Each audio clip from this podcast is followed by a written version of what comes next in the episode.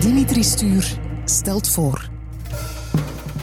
De podcastreeks China's New Normal met Pascal Koppes. Het gaat razendsnel. Wat gebeurt daar allemaal in China? Wordt de invloed van dat land steeds groter? Is er een nieuwe wereldmacht in de maak? Heel mystiek toch? Als ik China hoor, denk ik aan Alibaba, camera's en robots. Voor het overige is het voor mij allemaal Chinees. En nee, we hebben het niet over Chinese draken. China's New Normal. Pascal, hele goede dag. Dag Dimitri. Weet je, Pascal, voor deze aflevering Smart Mobility dacht ik te beginnen over ja, Volvo Cars eh, in handen van de Chinese eigenaar Geely. En zeker omwille van dat recente persbericht eh, dat Volvo Cars leider wil worden in de, in de snelgroeiende markt van elektrische premiumwagens. Maar Pascal, eerlijk, om een goed begrip te krijgen van de, de slimme Chinese aanpak van hun mobiliteit, denk ik dat het beter is eventjes te kijken naar de verhouding werk-vrije tijd in China. Dat is toch lichtelijk anders dan bij ons, hè? Dat is heel erg anders. Of ik heb dat toch zo ervaren als ik terugkwam uit, uh, uit China na twintig jaar daar gewoond te hebben en dan plots in België belanden, was voor mij de, de, de context van privé en, en werk toch een heel ander begrip in China dan, uh, dan in, in het Westen, in, in België specifiek dan. Voornamelijk dat voor mij was er eigenlijk in China en voor de meeste Chinezen, ik spreek over meer dan een miljard mensen, eh, eigenlijk geen verschil tussen werk en privé. Dat betekent dat alles een beetje door elkaar loopt. En dat je altijd tijd maakt voor mensen die eigenlijk uh, die belangrijk vindt of die, die belangrijk geacht worden. En in België, toen ik terugkwam na twintig jaar, had ik het gevoel dat mensen geen tijd meer voor mij maakten, omdat ik niet binnen hun businesssfeer op dat moment zat. En dat was voor mij een, een, grote confrontatie met de realiteit. Wij in het Westen, ja, wij leiden, zoals je zelf in je boek omschrijft, bijna een dubbel leven. Hè? Eentje met vrienden en een ander met collega's, terwijl jij uit een land komt waar het allemaal gewoon door elkaar loopt. Ja, het loopt echt door elkaar. En, en het is eigenlijk voornamelijk zo dat als je in China een zaak wil opstarten of business wil doen, dan ga je dat liefst met vrienden doen omdat je die kan vertrouwen. En in het Westen, ja, collega's, uh, dat worden wel soms vrienden, maar het is bijna nooit omgekeerd dat een vriend een collega wordt. Terwijl in China gaan vrienden elkaar proberen binnen hetzelfde bedrijf te halen. Dus als ik een goede vriend heb, ga ik hem proberen te overtuigen om in hetzelfde bedrijf te komen werken als mij, omdat ik weet dat ik daar dan kan, kan op rekenen. En dat is een heel ander concept. Ja, dat is een complete uh, ander paradigma uh, dan vergeleken met ons. En dat leidt ertoe, denk ik, toch wel dat ja, de Chinezen meer behoefte hebben aan sociaal contact, face-to-face, waar wij meer eerder op afstand willen werken, en zeker nu met corona. Dus met andere woorden, face-to-face betekent, ja, je moet een goede mobiliteit hebben dan. Dat is primordiaal. Als je geen goede mobiliteit hebt, dan kan je gewoon elkaar niet zien. En dat heb ik ervaren 20, 30 jaar geleden in China, waar het heel lokaal was, omdat mensen wouden elkaar zien. Maar op het moment dat mensen over dat hele land aan het verhuizen waren, aan het migreren, ja, hoe zie je elkaar dan vlug? Want dat is echt wel belangrijk binnen de Chinese context en cultuur. En daardoor is die mobiliteit ontstaan. En daardoor zijn die steden die soms op 100 kilometer van elkaar zijn, uh, hebben die een netwerk gekregen, voornamelijk een, een mobiliteitsnetwerk qua treinen, hoge snelheidstreinen, die op, ja, op uh, 10, allee, eigenlijk op 12 jaar tijd, sinds 2008, hebben ze 28.000 kilometer hoge snelheidstreinnetwerk gebouwd. Dat is een gigantisch netwerk. Dat is ongeveer 9 kilometer per dag aan spoorlijnen die ze zetten in China. En dat voel je gewoon. En die treinen lopen ook allemaal perfect op tijd. Dat is een groot verschil met het Westen, vooral hier met België. Ja, dat was toch wel een, een confrontatie als ik terugkwam naar België. En dan uh, zeker, ik kwam terug in een week dat er een staking was. En uh, dan moest ik echt uh, een uur in Brussel-Zuid wachten op een trein. En ik dacht van, ik wil terug naar Shanghai. dat geloof ik best. Je liet het al ontvallen. De slimme steden, de smart cities. Er zijn er meer in China dan in de rest van de wereld. Ja, China heeft ongeveer 50% van alle slimme steden in de wereld zitten in China. Dus alle pilootprojecten die gebouwd worden om een stad slimmer te maken, er zijn er ongeveer 1500 ervan zitten in China. En, en je voelt dat ook gewoon als je in die steden zit. Uh, nu, slimme steden heeft, dat heeft veel aspecten. Dat is niet alleen mobiliteit. Dat is natuurlijk het onderwerp die we het vlugst zien, want dat is ook belangrijk. Maar het heeft ook te maken met uh, slimme gezondheid, slimme veiligheid. Uh, en dan denken we natuurlijk aan de camera's waar we het vorige keren over gehad hebben. onderwijs, ook economie is belangrijk. Dus slim heeft heel veel dingen te maken met eigenlijk het, het leven van de modale burger uh, gewoon aangenamer en, en meer comfort te geven. Mm -hmm. Maar we blijven natuurlijk bij dit onderwerp, eh, bij mobiliteit, hè, de slimme steden en hun mobiliteit. Um, dan zitten we al meteen op het niveau van, we hebben de enerzijds de hoge snelheidstreinen, en wat je net zei van uh, de aanleg van sporen aan een indrukwekkende hoge snelheid ook. Um, maar er is natuurlijk ook nog de auto. En de auto, dat is in China, ja, zoals je zelf schrijft in je boek, het is een groeimarkt. Hè. Iedereen wil daar een auto intussen. Ja, iedereen wil een wagen. Uh, en dat heeft vooral te maken met ja, een soort vrijheid, zoals wij ook in het Westen kennen. Maar het probleem is dat er natuurlijk wel een paar Chinezen meer rondlopen dan dat er Amerikanen of Europeanen rondlopen. Dus als iedereen daar een wagen zou hebben, dan uh, is er geen enkel wagen die nog kan rijden. Dat is eigenlijk de realiteit van China. Maar ze willen allemaal graag een wagen, uh, omdat ze dat echt wel zien als hun toekomst en hun eigenlijk het bereiken van een, een betere standaard. En het is niet alleen zomaar een wagen waar wij het eerder zien als een statussymbool. Zien zij het als een slimme wagen, hè? tech-savvy wagen als het ware, hè, volgepropt met high-tech. Ja, want voor hun is een wagen zeer functioneel. En dus het is eh, niet alleen om van punt A naar punt B te geraken, maar het is echt om alles wat je zou kunnen doen met de wagen om dat te gaan optimaliseren. En, en ze gaan dat dus heel slim gaan maken, in de zin dat ze voornamelijk die wagen heel geconnecteerd willen maken, maar ook een stuk autonoom willen hebben. Dus die zelfrijdende wagens waar men het zo vaak over heeft, is in China iets dat heel normaal zal evolueren en heel vlug zal evolueren. Je ziet al in heel veel steden in Shenzhen en Shanghai, dat er bepaalde plaatsen al zelfrijdende wagentjes zijn. En dus omdat ze veel utilitair meer denken, dus meer functioneel denken, eerder dan uh, ja, een statussymbool zoals wij het willen, die wagen.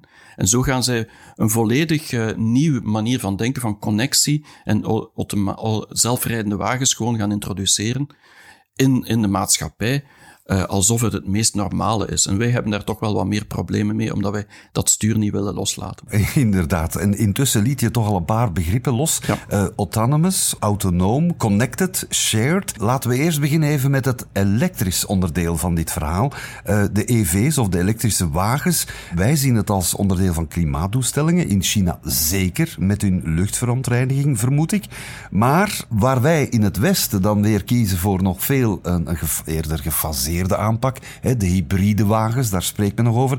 Zeggen ze in China, dat slaan we over, meteen elektrisch. Ze gaan direct elektrisch. En, en dat heeft uiteraard te maken met het milieu.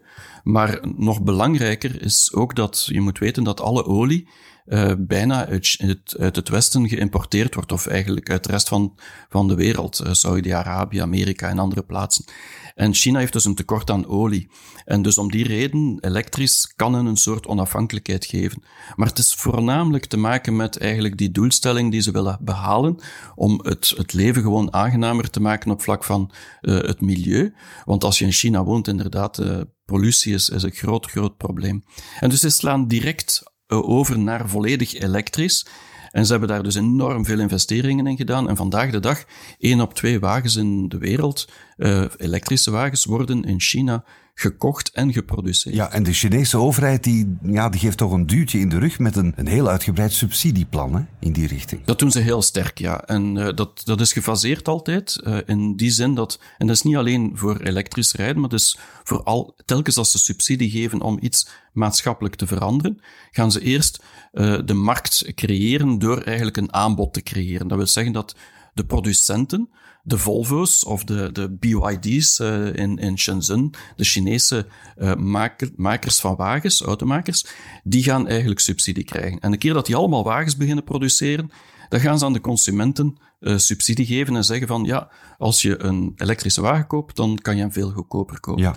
En in Shanghai kan je dat bijvoorbeeld voor een derde van de prijs aankopen dan de, de, de normale prijs zou zijn, puur door de subsidies. Fijn, ik verhuis meteen naar China, maar ik stel me de volgende vraag, eh, Pascal. Kan ik mij overal even opladen? Ik bedoel, want bij ons is het probleem van het aantal laadpalen, oplaadpalen, te weinig. Hoe zit dat in China? Ja, dat is echt uh, een, een, ja, dat is een andere wereld. Ik uh, ben, toen ik mijn boek schreef, uh, heb ik uh, geschreven in het boek dat er 500.000 laadpalen zijn in China die ze allemaal op een jaar hebben gebouwd, 2018, 2019. En ik voorspelde dat uh, in 2020, uh, dat was de planning van de overheid, dat ze tot een miljoen laadpalen zouden komen over het land.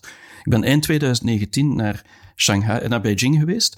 En in Beijing heb je State Grid, en dat is het grootste energiebedrijf van de wereld. En die hebben mij al die laadpalen op een groot controlecentrum laten zien. En ze hadden er al meer dan één miljoen laadpalen. En dus ze waren al zes maanden voor op de deadlines die ze moesten halen. Ja. ja. En van de oplaadpalen naar iets anders dat ook belangrijk is bij elektrische wagens, het rijbereik. En dan zit ik bij de ontwikkeling van krachtige batterijen. Daar zitten de Chinezen ook niet stil hè, op dat terrein. Nee, ze hebben uh, bijna alle batterijen worden in China gemaakt, wereldwijd. Dat zijn de beste batterijmakers ter wereld of de grootste marktaandeel. En uh, dus de batterijen zijn nu allemaal, ja, die moeten 300, 400 kilometer uh, afstand kunnen afleggen, minstens. Uh, anders krijgen ze ook geen subsidie meer van de staat. Dus nu is het allemaal op kwaliteit en, en bereik eigenlijk. Dus dat gaat in het Westen ook zo zijn. Maar het is interessant om te zien dat die subsidie daaraan gelinkt is. Ja, we hebben vier componenten die we bespreken. Ik herhaal het nog maar eens voor de luisteraar. We hebben het nu over elektrisch rijden, maar er is nog autonomous, connected en shared. Laten we het eens hebben over um, het idee van autonomous, autonome voertuigen. Dat ook is in China een geheel ander verhaal dan bij ons. Maar waarom, Pascal? Ja, dat heeft voornamelijk te maken met het feit dat als je een, iemand ziet met een, een wagen die heel duur is, een heel dure wagen, dan zie je dat die man eigenlijk, of vrouw, altijd achterin zit. Die zit niet aan het stuur. Die heeft zijn eigen chauffeur. En dus eigenlijk als je status wil bereiken, dan wil je van achter zitten en dus jezelf laten rijden is eigenlijk een vorm van status in China. En daarom dat Chinezen dat eigenlijk wel geen probleem zien om naar autonoom rijden te gaan, omdat dat betekent dat ze gewoon meer geld hebben. Maar anderzijds ook, denk ik, omdat je het daarnet ook zei, van men ziet een auto daar niet zozeer als een status, maar als een, een utilitair product, als een zinvol en efficiënt product om van Naar rijden. Ja, dat is volledig zo, in die zin dat het, het heeft niet zozeer te maken met ik wil dat zelf kunnen beheren, maar het heeft meer te maken met, ja, ik moet ergens geraken.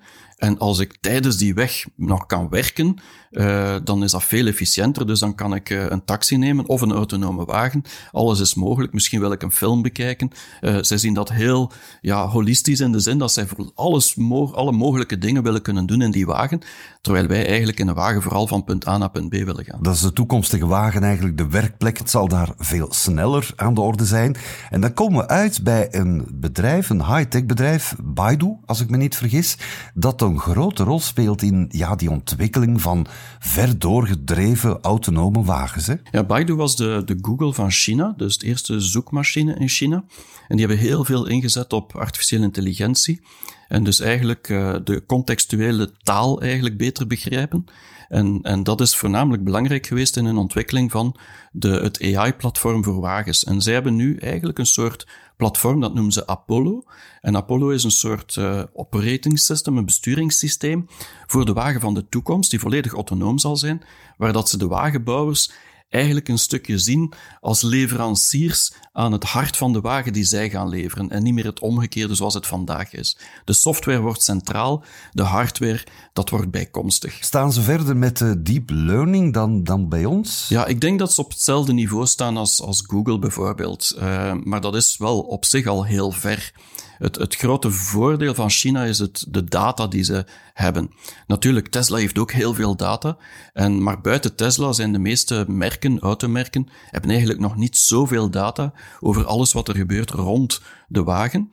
En de Chinezen hebben dat wel. En dat heeft een stukje te maken met de, de, de data die beschikbaar is, maar ook de artificiële intelligentie-algoritmes die ze gebouwd hebben in de laatste jaren die gewoon heel performant zijn. Niet alleen Baidu is uh, heftig bezig met uh, ja, het ontwikkelen van autonome wagens, tenminste de, de, de hele software daarachter, maar ook andere technologiereuzen zitten niet ja. stil, hè, zoals Tencent Tencent, Alibaba, Didi? Ja, allemaal hebben ze investeringen in, uh, in autonome wagens vandaag. Uh, sommige bouwen die zelf, sommige bouwen die samen met een partner. Anderen, zoals Tencent, die hebben dan geïnvesteerd in Tesla bijvoorbeeld. Dus ieder heeft zijn eigen strategie om te zeggen, we willen daar toch deel van uitmaken van die markt. En over Tesla gesproken, er is een Tesla-killer in de maak, zeg jij. Wel, er zijn er veel. Uh, natuurlijk, Tesla is denk ik een, een vrij uniek bedrijf op zich. Gewoon als je naar de waardering kijkt, er is geen enkel bedrijf die in de buurt ook maar komt van de in de automobielsector. Maar uh, in China heb je dus heel wat uh, bedrijven, zoals NIO bijvoorbeeld. Uh, dat is een bedrijf die ja, eigenlijk hetzelfde doet als Tesla, maar die vooral naar de, het connecteerde van, van de wagen kijkt. En, en dat is toch wel een heel interessant gegeven, dat die data zo centraal staat uh, binnen een ontwikkeling. Omdat zij eigenlijk vinden dat hij die de data beheert, ook de markt beheert. En dat betekent dat ze willen weten wat die consument in die wagen gaat doen, en, en dat dan allemaal gaan traceren om eigenlijk betere wagens te bouwen. Niet om te kunnen zeggen van wij hebben een betere wagen, maar om die wagen aan te laten passen, zich laten aanpassen aan de, de consument zelf en niet het omgekeerde. Ja, en jij kijkt vooral uit naar de, de wagen, de Nio Eve, als ik me niet Ja, mocht, ik ooit, mocht die ooit op de markt komen, dan zou ik die wel heel graag kopen. Uh, waarom? Ja, omdat die echt wel, eigenlijk die wagen wordt dan een soort, ja het, het paradijs van alles wat je kan en wil doen in je leven, kan je daar in die wagen doen, omdat hij zo intelligent is dat hij perfect weet wat er in, de omgeving gebeurt. Dus je verplaatst u eigenlijk in de wereld waar je zelf wil zijn. Als die bijvoorbeeld voorbij restaurants passeert, dan kan hij je de menukaart geven, of die kan zeggen van, die kan een film op, opladen, die kan, die past zich volledig aan aan uw noden van dat moment. Mhm. en, en dat is wel, nu, er zijn meer futuristische wagens tegenwoordig die met zo'n voorstellen afkomen, maar het is toch wel typerend dat, dat er in China, uh, dat ze daar heel sterk mee bezig zijn en toch al proberen in de huidige wagens zoveel mogelijk van die autonomie en connectiviteit te integreren, die echt een wauw-effect geeft en leuk is. Voor mijn part mag die op mijn oprit ook staan, zoals op die van jou dan. Um, we hebben nu al drie elementen aangeraakt, namelijk elektrisch, autonomous, connected. En dan komen we bij een ander vierde belangrijk onderdeel, shared, de deeleconomie. Het delen van je elektrische autonome wagen. Uh, dat is in China eigenlijk de cultuur, hè? delen. Ja, delen is altijd een stukje van de cultuur geweest. Uh, niet dat Chinezen niet graag uh, uh, zaken hebben of niet materialistisch zouden zijn. Ze zijn dat heel erg materialistisch. Maar als ze meer kunnen bereiken door te delen, dan doen ze dat graag. En dat heeft een stukje te maken met die Chinese cultuur. Denk maar aan de manier waarop dat Chinezen in een restaurant alles delen, het voedsel delen, met allemaal kleine schoteltjes. Bij ons hebben wij elk ons eigen bord en ons eigen schotel. In China delen ze dat, maar dan ook binnen het communisme werd alles gedeeld. Er was geen privé-eigendom. En, en je ziet dus die, dat concept van delen, zolang je er samen meer kan uithalen, uh, is dat echt wel iets dat in China in die cultuur ingebakken is. Dus met andere woorden, in China zal men sneller, ja, zal je sneller bijvoorbeeld een, een, een high-tech wagen hebben, autonoom, connected, maar die je deelt met je buur. Ja, die wagen zal niet meer eigendom zijn van, van één persoon, want van zodra dat hij op de oprit, of in China zijn er niet zoveel opritten, dat is meestal in de straat of in de parkings, uh, dat die vaststaat, ja, dan kun je die beter delen met iemand die hem nodig heeft op dat moment. En als die autonoom is, ja, die kan zelf rijden naar de persoon die hem nodig heeft. Dus Chinezen zien dat uh, enkel als een voordeel. Ja. Er zal toch wel een hoop intelligente aanpak bij moeten komen, want uh, ja, met zoveel inwoners, zoveel auto's, al is het dan een deeleconomie, ja, daar zit je nog langer vast in de file dan hier. Ja, het is de enige oplossing. Als China wil eigenlijk dat mobiliteitsprobleem uh, niet erger maken dan dat het al is in bepaalde steden, denk maar aan Beijing bijvoorbeeld, dan, uh, ja, dan moet je gaan delen, dan moet je elektrisch gaan, uh, dan moet je het meer slim maken door geconnecteerd te zijn. Dat, dat is gewoon een, een noodzaak. En je ziet ook heel sterk dat als je naar bijvoorbeeld Shenzhen kijkt, stad helemaal in het zuiden tegen Hongkong, dat daar alle wagens al volledig elektrisch zijn, dus alle taxis, alle bussen. Uh, en, en die stad is gewoon stiller geworden en heeft minder last van pollutie, pollutie daardoor. Dus uh, je ziet het effect al op een aantal jaren tijd. Dus ze gaan zeker verder gaan. Ja, en zo zitten we terug bij het begin eigenlijk, Pascal. Toen ik het had of wou hebben over Volvo Cars. Niet gek natuurlijk, dat stoere persbericht dat we onlangs nog te horen kregen van Volvo. Allemaal elektrische premiumwagens tegen 2030. Niet van de pot gerukt, want dit persbericht geeft eigenlijk aan wat jij vertaalt in je boek als export van mobiliteit. Ja, en, en voor mij is uh, Shufu, de oprichter van, van Chili, echt een, een visionair. Uh, maar hij is ook iemand die, die echt wel ziet hoe dat je kunt het beste tussen West en Oost bereiken. De Chinese harde werkers die heel flexibel zijn, heel vlug willen gaan, maar dan ook Zweedse ingenieurs die heel gericht en, en, heel uh, goed aan onderzoek doen en de beste technologie en innovaties. En hij combineert dat eigenlijk in een perfecte cocktail die ertoe laat dat hij echt wel een, een wagen kan bouwen die de beide mogelijk geven. En, en voor mij is Gillian een echt voorbeeld. Nu, ik heb er ook een persoonlijk contact met, die, met dat merk, gewoon omdat ik van Gent ben en de fabriek staat in Gent van Volvo. Mhm. En dus ik heb er altijd wel uh, een soort uh, interesse gehad. Maar ik heb ook Geely in, in Hangzhou, uh, dezelfde stad van Alibaba, bezocht. vorig jaar, een paar keer al. En, en het is echt ongelooflijk wat die daar doen. En dan moet je weten dat Geely binnen die trans transitie of die transformatie naar elektrisch en autonoom in China wordt aanzien als eigenlijk een trage speler. Ah zo, ja oké. Zeg maar, die Geely, uh, ja, die maakte vroeger koelkasten. Dat is wat anders dan wagens maken.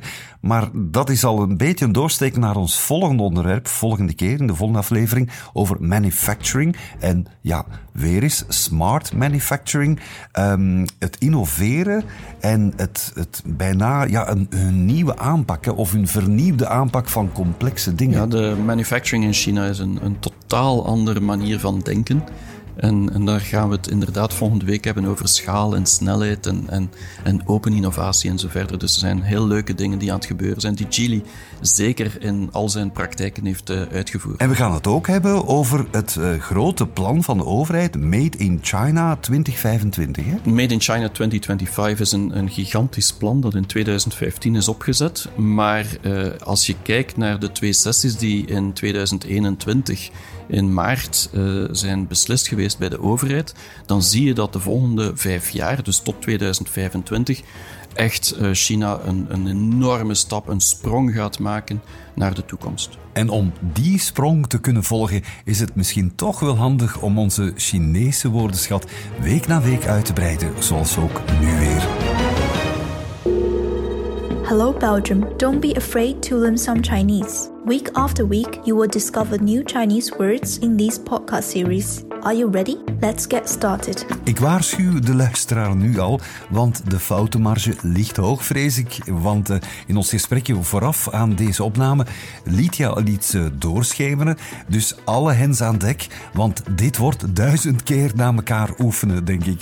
Het podium is aan jou, Pascal. Ja, ik uh, zou vandaag graag een aantal woorden of een zin uitspreken die voor buitenlanders meestal nogal moeilijk zijn om uit te spreken. En je kan het een tongtwister noemen, maar het is eigenlijk een soort. Ja, de Chinese S-klank, of het nu che of ze of, of chu of chi of xiang, of, het, het klinkt allemaal hetzelfde, maar het zijn allemaal andere karakters of uitspraken die heel belangrijk zijn om die juist uit te spreken. En dus uh, binnen de context van mobiliteit heb ik bijvoorbeeld het woord uh, chu en dat, is, dat betekent taxi. Uh, En dat is heel belangrijk, want in China moet je zijn, ja. voortdurend taxis nemen. Uh, of een, een soort Uber, dat noemt Didi in China, maar Chuzuche. Uh, en Suji betekent chauffeur. Dus Chuzuche Suji, dat betekent taxichauffeur, om maar iets te zeggen. Mag ik mijn joker inzetten? Ja, ja, ja. durf ik niet herhalen. En dan het woord Xiang is willen. dat zijn allemaal S-klanken, maar dat wordt met een X geschreven. En misschien interessant om die X te, te, te kaderen, is dat men vaak spreekt van de president van China, Xi Jinping. En dat wordt vaak Xi uitgesproken in het Westen. Maar eigenlijk moet je dat uitspreken zoals Xi in het Engels. Uh, dus Xi Jinping. En dus die Xiang van willen is hetzelfde X. En dan heb je het woord fiets. En dat is Zixingche. En als je een fiets wil rijden, dus op een fiets wil rijden, dan noem je dat qi zixingche. Dus als je dat nu allemaal achter elkaar zegt, dan zeg je.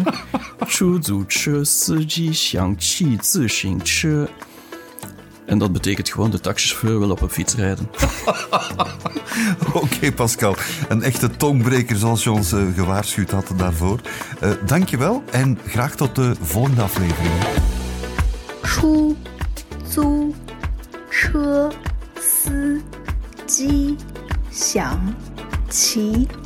自行车。出租车司机想骑自行车。China's new normal.